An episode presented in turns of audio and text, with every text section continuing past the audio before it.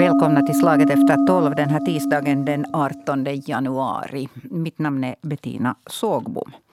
Ja, alltså det skramlas med, med vapen och läget är spänt mellan Ryssland och Nato. Nu har det ju här under de gångna dagarna eh, har vi sett att eh, bland annat Sverige har reagerat. Det pågår en, en, en ivrig sån här eh, försvarspolitisk diskussion i landet och man diskuterar också Nato. Och Sverige har då skickat trupper till Gotland och Danmark har också förstärkt sin militära närvaro på Bornholm. Och då frågar vi oss idag att vad händer med det militariserade och neutraliserade Åland om det säkerhetspolitiska läget eskalerar eller rent av utmynnar i en konflikt. Eh, med mig här eh, och diskutera idag har jag den åländska riksdagsledamoten Mats Lövström. Välkommen. Tack. Och du deltar från Åland. Eh, det stämmer bra. Och vi hoppas linjen, det stormar väl inte så mycket där nu som det har gjort här igår. Det är betydligt bättre idag, ja. ja så då hoppas vi att, att all, all teknik spelar som den ska. Med mig här i studion har jag minister Per Stenbeck. Välkommen. Tack. Och eh, Laura Lodenius från Finlands fredsförbund, du är verksamhetsledare där sedan många, många år tillbaka. Väldigt erfaren. Välkommen. Tack. Det där, eh, jag tänkte först börja, börja med, med, med dig faktiskt, Per Stenbeck. Du, du, skrev också, eller du skriver ju kolumner i, i bland annat eh, alltså Hufvudstadsbladet. Och eh, jag tänkte, med vilka ögon har du sett på det här eskalera? Du är ju erfaren, du har varit utrikesminister och, och, och du har debatterat utrikespolitik länge. Men hur, hur, har du sett den här upptrappningen som vi ser nu? Med stor förvåning, kunde man säga. Förvåning? Absolut, mm. Eh, för att eh, vad ska, hur ska den sluta? Hur ska en sån här upptrappning ah, nedtrappas igen? Det är det som mm. många frågar sig. Alltså. Det, förvåningen är, det beror på det att att det verkar lite, den ryska aktiviteten verkar lite planlös eller mållös. Eh, verkar bara, det är den säkert inte. Men eh, det är svårt att förstå vart Ryssland egentligen syftar.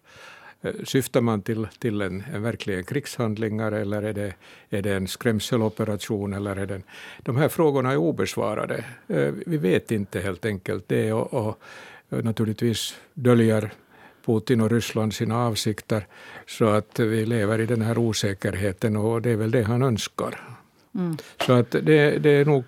Eh, någon kanske säger att man, är överras, att man inte är överraskad över detta, att det var på kommande eller någonting sånt. Men till exempel tidpunkten, varför just detta? Det spekuleras om att det beror på att eh, Europa är lite lite det där, mm, inte riktigt på, på gängor så att säga i Frankrike Tyskland och mm, med Brexit och allt sånt här. Men ja, jag tror inte riktigt på det här. Alltså det, alla tidpunkter är dåliga eller goda. Det beror ju på man, hur man utnyttjar dem. Mm. Så att jag har nog mina egna teorier om, om orsaken till detta. Mm. Eh, då frågar jag Mats Lövström, hur du som...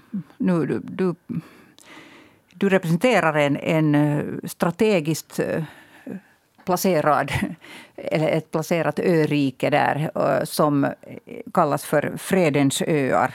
Eh, hur, hur ser du på den här upptrappningen i Östersjöområdet?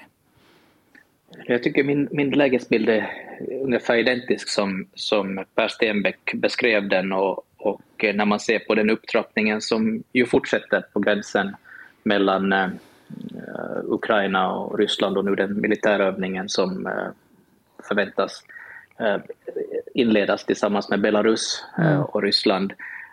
Och det är ganska många olika händelser som det, när man inte får några tydliga svar vad, vad, vad, vad, vad kan vara bakgrunden till det så, så ter de ju sig ändå som sammankopplade och också att de här tre stycken landstigningsfartygen då seglade in i Östersjön, vilket mm. fick eh, det, det säkerhetspolitiska läget att, att, eh, och beredskapen att stiga i, i, i egentligen hela Östersjön, inklusive eh, vårt eget land förmodar jag. Mm. Det var ju just det här som bland annat då ledde till att, att Sverige då skickade eh, trupper till Gotland och har förstärkt den här militära närvaron där. Det, Laura Lodenius Tänker du nu också säga att din eh, lägesbild är identisk med Löfström och Stenbeck här säger? Eh, no, det är säkert svårt att vara av annan åsikt i den allmänna bilden. Att det är ju klart att det på något sätt känns hemskt olyckligt att, att, att, äh, att situationen har, har liksom blivit sämre och att man har så svårt att se äh, liksom på något sätt förstå orsakerna. Eller att på något, det är ju kanske alltid en väsentlig del av politiskt beslutsfattande och bilder av strategi, att man försöker förstå hur den andra tänker och vad den har för motiv. Och om man inte ser några vettiga motiv i det så, så känns det svårt att göra en, en analys om, om vad som verkligen är läget och vad man borde göra. Uh, och, och, det där, och på, på det sättet. Samtidigt så tänker jag att Finlands styrka alltid har varit att vi har varit ganska sådär uh, hållit huvudet kallt och varit lugna och inte gått för någon retorisk krigsföring i olika frågor utan försökt se olika uh, aktörers positioner och, och, och, och, och liksom hållit vår egen ställning och hållit en längre linje. Så det är det som jag hoppas nu att Finland gör nu också.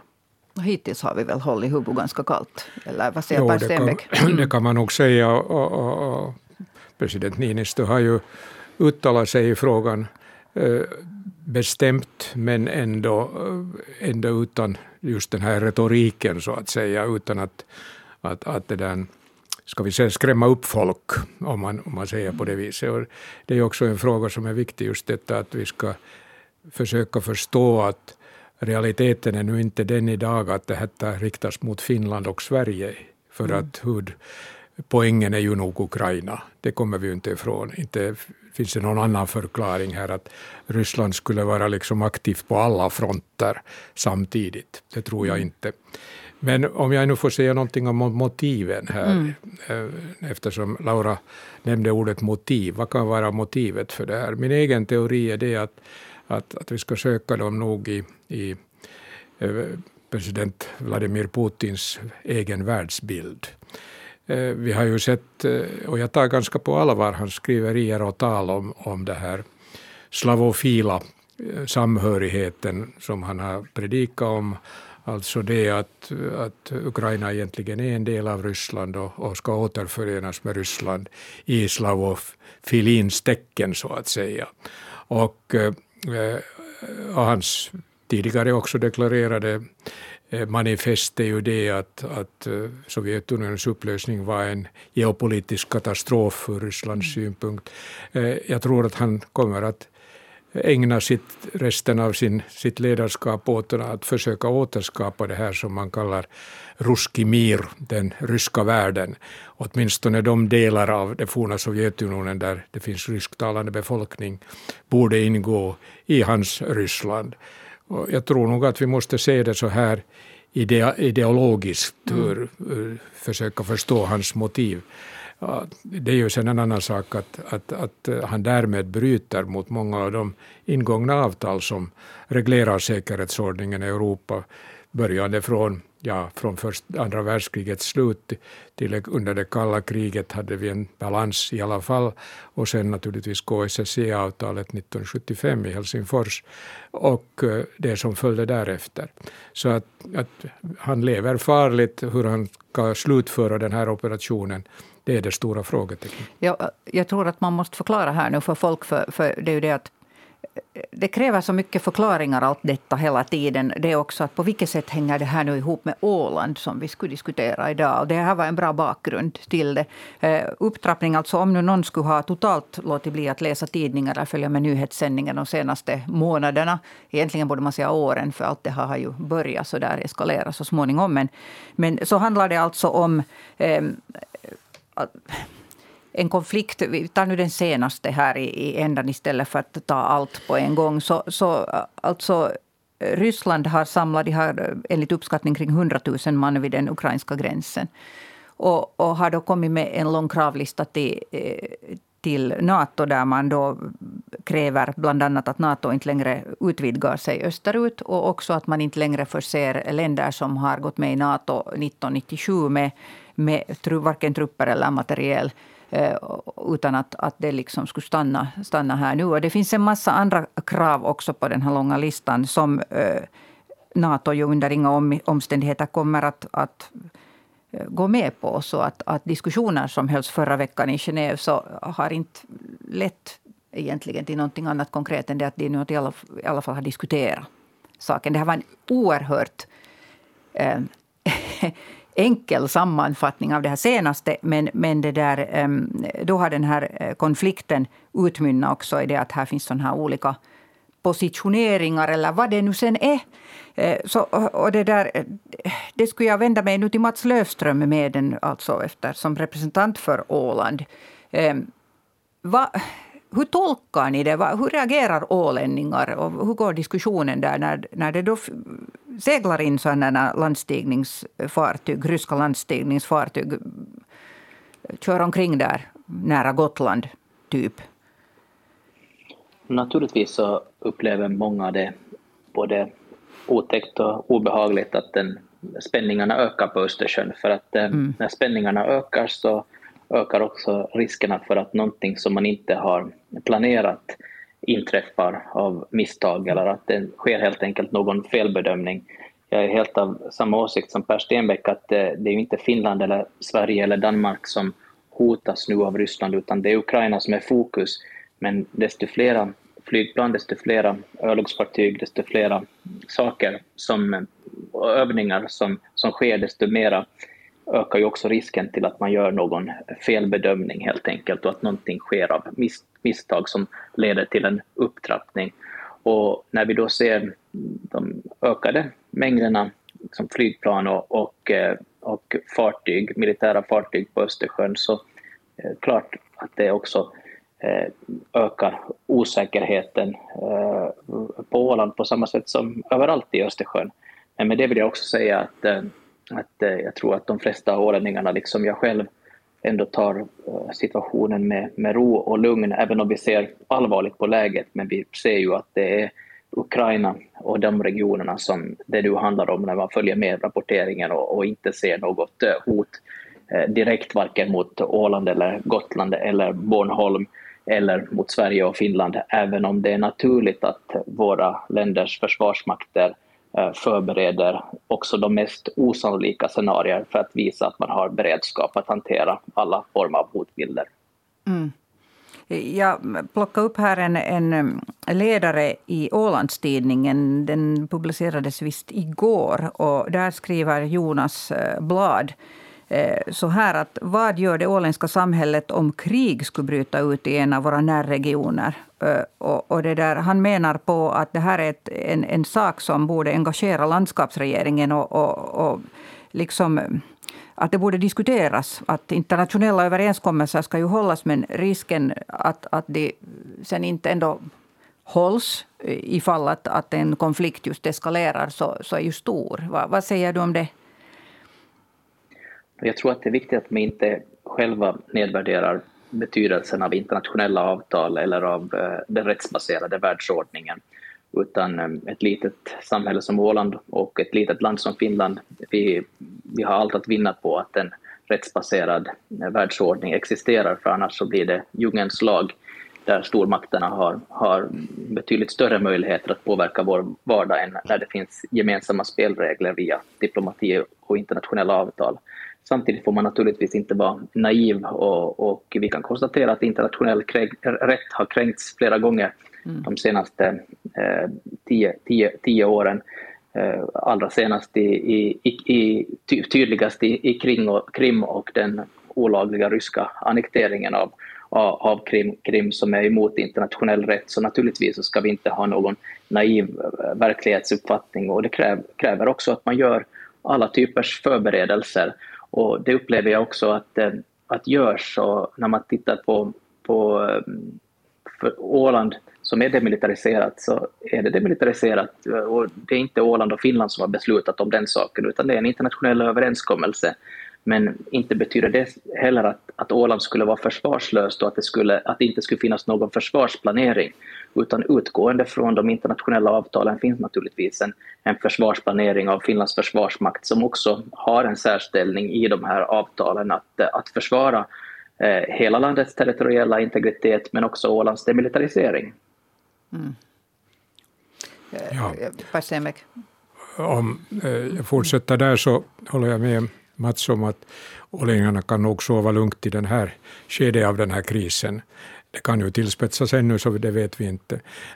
Men det faktum att, att Ryssland tog in landstigningsfartyg i Östersjön eh, är ganska eh, vanligt i en sån här krissituation att en, en, en aggressiv makt då vill visa att den har muskler på alla fronter och, och, och det, där, det här är en av fronterna, Östersjön, om det än, än, än inte är huvudfronten.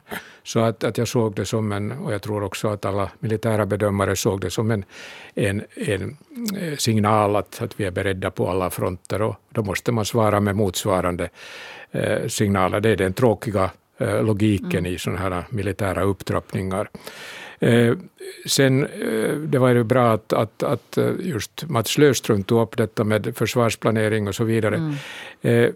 Han har ju alldeles rätt när han säger att, att vi får inte vara för naiva när det gäller internationella avtal, eftersom vi ser att de bryts på, på ganska viktiga punkter, nämligen till exempel integriteten, självständiga länders integritet och, och, och man berövar den på territorier som skedde i Krim. Eh, så att eh, det är viktigt för ålänningarna och för finländarna också att inte eh, invagga sig i någon trygghetskänsla att de ingångna avtalen kommer att hålla i all evighet. Vi måste räkna med den möjligheten att de också bryts. Mm. Och när man talar om Ålands försvar så så, så är det alldeles klart hur, hur gången är. Eh, och, och även om Åland är demilitariserat i fredstid så har Finland ansvaret för Ålands försvar i krigstid. Vad som sen eh, definierar eh, en kris, en kri, ett krigstillstånd, är en sak för experterna att utreda, men eh, säkert har, och jag vet att, att Mats har rätt när han säger att det finns en, en, en planering. Jag har uttryckt det på det viset att det bästa som har hänt ur åländsk synpunkt är det försvarssamarbete mellan Sverige och Finland. Under år, år, årtiondens, århundradets gång så har det ju funnits en viss oenighet där mellan grannländerna. Men idag finns det en rörande enighet mellan Finland och Sverige hur man skall begå Mm. Eh, detaljerna känner vi inte till, men, men jag är alldeles säker på att det finns en, en samordnad plan hur man ska försvara Åland, eller se till att inte Åland utnyttjas av en tredje makt på ett sätt som då är oförenligt med Sveriges och Finlands eh, geopolitiska och militärstrategiska intressen. Mm. Vad säger du Laura Lodenius om, om den här Ålands ställning då som demilitariserad, neutraliserad zon? Det har ju varit en viktig sak och det har varit bra för, för på många olika sätt. Men att som en del av neutralitetsavtalet så finns också det sagt att Finland har rätt och det är liksom Finlands uppgift att försvara försvara Åland sen om det skulle bli en militär katastrof mm. eller kris eller, eller, eller försök till att... Så, att, så det, det är ingen oklarhet i det. Och, och, och det där, kanske nu bra att påminna att, att trots att Ryssland klart haft sina liksom åsikter om Ukraina och, och den här liksom ordkriget mellan Ukraina och Ryssland och också det praktiska kriget i Ukraina som hela tiden har pågått och redan länge. Så, så, så där finns en front men att, men att egentligen Ålands position har väl inte Ryssland ifrågasatt på årtionden eller ungefär sen, sen avtalets början utan tvärtom Ålands position både som demilitariserat och neutraliserat har Ryssland alltid väl under alla dessa år tyckt att det är helt okej och, och de liksom har aldrig ifrågasatt det på det sättet. Att det är kanske nu bra att liksom säga det högt i den här situationen. Äh, men, men att som sagt det är ju klart att Östersjön är ett område som om där spänningen stiger och man gör de här signalerna från båda sidorna så, så det som, som Mats sa att att det finns alltid en risk för att det också händer misstag och mm. missförstånd och att eskalering leder till en position där mitt i allt händer någonting som någon kanske inte ens har riktigt planerat och det är väl det som många av oss också är rädda för att, att en av orsakerna varför man borde försöka frysa ner den här situationen och lugna ner att det inte bara blir någonting som går, eskalerar av sig själv till att man inte mera kommer ut ur, mm. ur det. Men när, när ni pratar, ni, här många nu har använt det här ordet signaler. Är, är det nu det som försvar nu är nu för tiden? Är det liksom, nu låter jag lite sarkastiskt, men jag menar det att man visar en massa spänna muskler och visar eh, signaler till varandra. Absolut. Mm. Eh, Försvarsmaktens viktigaste mm. uppgift mm. till exempel i Finland under de senaste 60-70 åren har, har varit att inte att kriga, utan att finnas still. Att, att utgöra en signal att det finns villighet att försvara mm. sitt land. Så att det är huvuddelen av världens, ska vi säga 90 procent av världens, eller kanske 80 procent av världens försvarsmakter är till i förebyggande syfte, inte för att anfalla heller, eller, utan för att vara en signal om att det finns en vilja att, att försvara sig. Får jag kanske nu passa på att säga om, om det åländska försvaret, jag, jag såg till min häpnad en, en, ett krav från ett politiskt ungdomsförbund Eh, ungdomsförbund att man krävde att nu måste Åland befästas. Och jag, jag måste småle lite åt denna föråldrade synpunkt. Eh, när Åland försvaras inte mera såsom under de senaste hundra åren genom befästningar. De har ju rivits alla i tur och ordning på, på krav oftast av, av Sovjetunionen och Ryssland. Eh, men eh, idag går ju försvaret ut på Eh, inte på fasta befästningar. Eh, på den tid jag gjorde värnplikten för länge sedan så fanns det ett, ett äh, fast kustartilleri. Det, det vapenslaget eh, är, eh, är det där slopat för länge sedan. När det gäller Ålands försvar så, så är det bara sjöstridskrafter, flyg och missiler som, som gäller. Så att, att idag kräva att, att det ska byggas någon slags fort på Åland är, är så omodernt som det bara kan vara. Så att där kan ålänningarna också sova lugnt att, att det här är inte aktuellt att, att Finland i en krissituation måste komma dit och börja bygga upp någonting som förstördes 1944. Ja, vad säger du Mats Löfström om den här eh, utspelet då av det här ungdomsförbundet? Ja, Finland är en, en, en, ett eh, öppet samhälle där man får tycka vad man vill och skriva mm. vad man vill. Och det är klart, ur ett ungdomsförbunds perspektiv så är kanske ibland synlighet och rubriker också ett självändamål i att kunna profilera sig och, och att då sticka ut hakan i en sån. Men jag har inte hört att en enda, enda riksdagsledamot eller eh, ens forskare den här gången, nu under den senaste veckans diskussionen om läget i Gotland, skulle ha ifrågasatt eh, Ålands demilitarisering som konstruktion, utan utan det som du var inne på, eh, tror jag Bettina, att, att, att hålla huvudet kallt. Eh, att jag tycker att alla har gjort det nu i det här läget, förutom då Samlingspartiets ungdomsförbund, att man har konstaterat vad, vad läget är och, och gjort förberedelserna utgående från, från det. Och tittar man på Samlingspartiet, hur man sen som regeringsparti i förra mandatperioden reagerade, eh, så inte inte ifrågasatte man ju Ålands eh, demilitarisering, utan, utan det här är också någonting som inte Finland själv kan påverka. Att Finland är nu en part i demilitariseringen, men många andra länder är också det och internationell lag, och ska vi då ensidigt frångå sådana avtal till exempel, så skulle det ju förändra hela Finlands utrikespolitiska doktrin. Hur påverkar det oss, alltså Finland, det till exempel? Jag, jag såg att flera sådana säkerhetspolitiska och försvarspolitiska twittrare, det finns många sådana på, på Twitter som vet mer eller mindre, men, men flera sådana som har en bakgrund i Försvarsmakten, så har skrivit och uttryckt sån tacksamhet att tack Sverige för att ni visar nu liksom att, att mistä kana pissii, som man säger på finska. Att så här, eller att visa att, att, att eh, musklerna nu med Gotland, att det, det drar vi också nytta av. Eh, hur tänker ni på det här? Alltså är det en sån här effekt som sprider över också? Att, att det liksom är bra att Sverige reagerar. Det är bra för oss.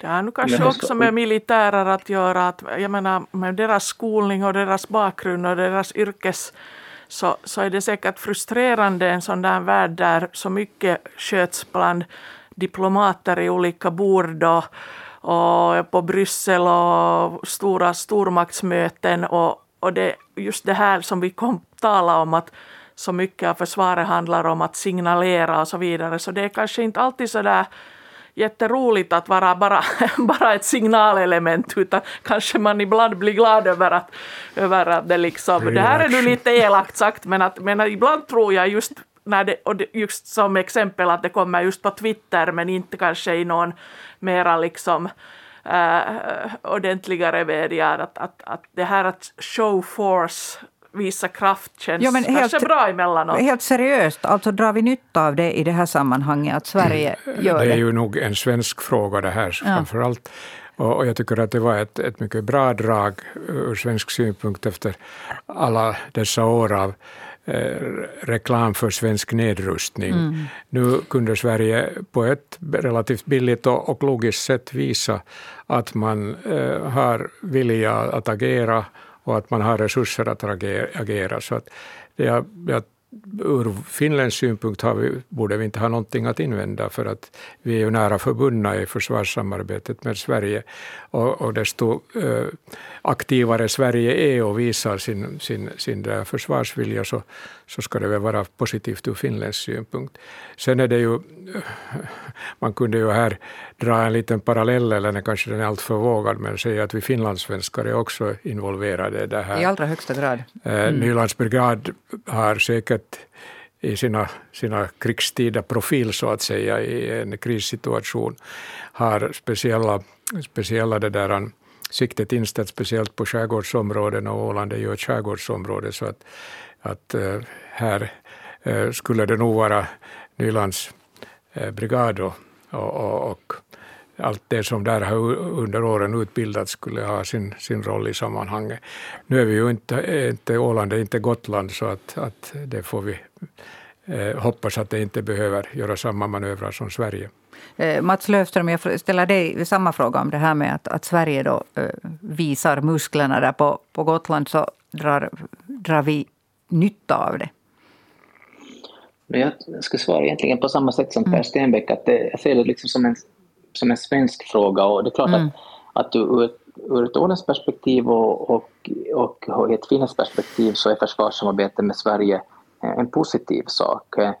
Eh, men man måste se liksom vad som händer på Gotland nu i den svenska kontexten, att, eh, att man rustade ner, ner försvaret efter kalla krigets slut. Man avskaffade den allmänna värnplikten, man drog bort alla truppförband och, och, och regementen från Gotland. Att det var ju faktiskt för bara några år sedan man stora, stora protester av, av förresten gotlänningarna själva. Att, att man, man mm. återetablerade då ett regemente på, på, på Gotland. Att det, eh, och Finland har ju aldrig nedrustat på samma sätt utan har hela tiden upprätthållit en, ett, ett trovärdigt, eh, eller jag menar svenska försvaret är också trovärdigt men, men man, man har liksom inte man har inte nedrustat på samma, sak, samma sätt och det gör att den allmänna opinionen i Finland alltid har ju varit, om man tittar på riksdagen, att, att det, det militära hotet, att det, det, det är inte sannolikt, men det är alltid någonting man måste kalkylera med. Och, och, på samma sätt så var det inte, tror jag, i, i Sverige efter kalla krigets slut, när vi såg EU-utvidgningen, Eh, krig på Europas kontinent kändes väldigt avlägset. Man talade till och med en tid om att kanske Ryssland någon gång skulle kunna bli EU-medlem. Att, att liksom som ett, det var en helt annan värld vi lever, eh, i, eh, levde då än, än, än, än idag. Och det är den kontexten man måste se också de här svenska manövrarna som, som också att bygga den, den, den svenska krismedvetenheten på nytt i, i allmänhetens ögon och, och, och, därför har Sveriges Television att direkt sända när, när pansarvagnar rullar av eh, Gotlandsfärjan och, och flyg, flyg landar på Visbys flygplats eh, med, med, med, soldater. Att, eh, jag är ju helt säker på att, att, eh, att den finska försvarsmakten har följt med läget precis lika noggrant men, men inte kör ju eh, försvarets, eh, marinens fartyg med AIS, alltså sån här GPS-igenkänning som man kan se på sin egen hemdator, alltså Marine Traffic, där var fartygen som Viking Line och Silja, Silja seglar, att, att marinen kör ju aldrig med det påkopplat och, och inte skickar man något pressmeddelande var man finns och, och har, har, har Yle, Yle med och sänder direkt därifrån som man har gjort i Gotland. Men med det, med, med det vill jag säga att, att jag, jag utgår ifrån att den finska försvarsmakten har berett sig på, på samma sätt som, som Sverige och som Danmark men att den, den, eh, debatten i våra länder är ganska olika när det gäller de här frågorna. Jo, I Sverige har det ju väckt mycket diskussion det här just att, att det direkt sändes just då när de här trupperna då eh, kom in, i, in i, på, på Gotland då, och folk har diskuterat det här väldigt Eh, flitigt de här senaste dagarna. Eh, jag tänkte, när Per Stenbeck var tidigare inne här på att det är en finlandssvensk fråga i allra högsta grad, så det är ju faktiskt så det är. Eh, jag har två söner som båda har, har utfört militärtjänst i Dragsvik och de har ju fått hem sådana brev att din krigstida position är, och så står det Åland. Och jag tror att nästan alla finlandssvenskar och de som åtminstone har gjort sin värnplikt i Dragsvik har fått tror jag, samma, samma placering och ett sånt här brev hem. Och det här leder ju i sin tur till att, att den här pågående situationen är ju intressant också. Åtminstone har jag noterat bland de här eh, unga männen en viss sån här mm, intresse för att följa med den här diskussionen. För att, att de känner ju att de är på ett sätt involverade. För, förstår ni vad jag far efter? Att det, det berör oss nog väldigt djupt det här när vi talar om Åland. Jo, men du borde inte ja. beröra dina söners placering i offentliga sammanhang. Är det, är det hemligt fast det är ett brev som de får hem på posten? Jag borde inte säga det alltså. Det är ju inte ett brev åt dig. Nej, men de har ju visat det åt mig. De har ju visat mig. Jag, jag förstår inte faktiskt att jag inte kan, kan göra en sån sak. Och, det här är direktsändning så vi kan inte klippa bort det heller. Men, men jag gissar att de flesta får ett sådant men, brev i vilket fall som helst. Men alltså, för att det nu kommer till... Ja, men det, där kommer vi nog till det där att det är en stor skillnad i Sverige och säkert inte... De facto har ju, har ju Sverige verkligen stark armé haft och har hela tiden här haft när man tänker på vad de har för beväpning, vad de har för luftkrafter, vad de har för vad som helst men det som de har då under liksom den här, just den här att folket skulle ha en känsla för att äh, på grund av att, att de tog ner av värnplikts äh, under fredstid. Så det här att, att vi har nog i Finland en annorlunda liksom förhållande till, till frågor kring militär säkerhet och armé och, och det där och att, och att det kanske fanns då i Sverige ett känsla av att det fanns ett behov det här att visa, öka krismedvetenheten bland svenskar. Jag vet inte om det finns en på riktigt i Finland om behov av att öka krismedvetenhet bland finländare. Jag tror att vi har ganska mm. krismedvetna människor och, och mödrar tittar på sina söners beväringsbrev och så vidare. Så, så det liksom finns en så allmän känsla för det här att, att, att man tar på något sätt det här som vardagligt. Att, att vad ens uppgifter i kristid och så vidare. Det kanske man inte gör i Sverige eller vad vet jag men att det finns en, en skillnad i det här. Så det gör att våra debatter är hemskt olika i mm. försvarspolitiska mm. frågor. Ja, det är ju historien som avgör där naturligtvis. Ett land som inte har varit i krig på, på de senaste 300 åren så, så är naturligtvis, eh, eller 200 åren, så, så är det naturligtvis eh, traditionen lite annorlunda. Men det där hur det yttrar sig i Finland så såg vi ju den senaste undersökningen om Nato.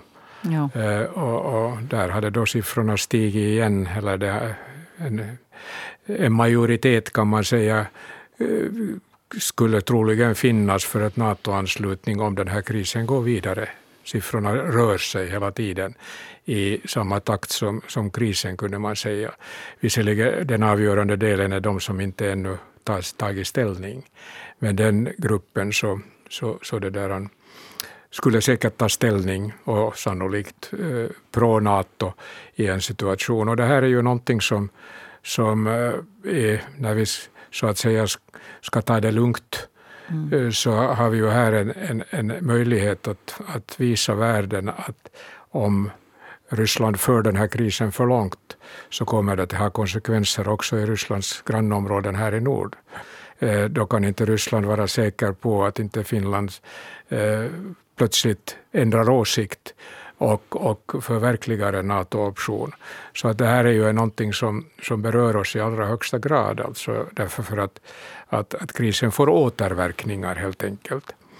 Och, och jag hoppas att, att NATO, eller ska vi säga Putin, förstår det här. Jag fick en inblick i att när jag hörde Lavrov mm. uh, uttrycka en viss oro för att Sverige och Finland nu håller på att glida in i NATO, så är det här ju en, ett, en, en bra signal om att vad jag brukar säga att vad Putin kan vinna i Ukraina kan han förlora i andra gränsområden här i nord. Mm. Så att uh, vi är nog, hänger nog samman med den här krisen på ett sätt som, som det där kan förändra och, och, och det där försvårar naturligtvis också vår, vår, vår uh, säkerhetspolitik. Jag vet, jag vet inte hur, hur det, det är säkert sant att, att om krisen blir värre och fortsätter så, så kan de här siffrorna ändras men det är nog väl ändå fortfarande en, eh, bara någon fjärdedel som nu direkt skulle tycka att vi ska gå med i Nato. Men, men hur som så är det ju någonting som till exempel fredsrörelsen är mycket olycklig. Att det är sant att varje gång Ryssland säger till människor eller länder att ni får inte gå med i Nato så alltid ökar det antalet i de länderna som vill gå med i Nato.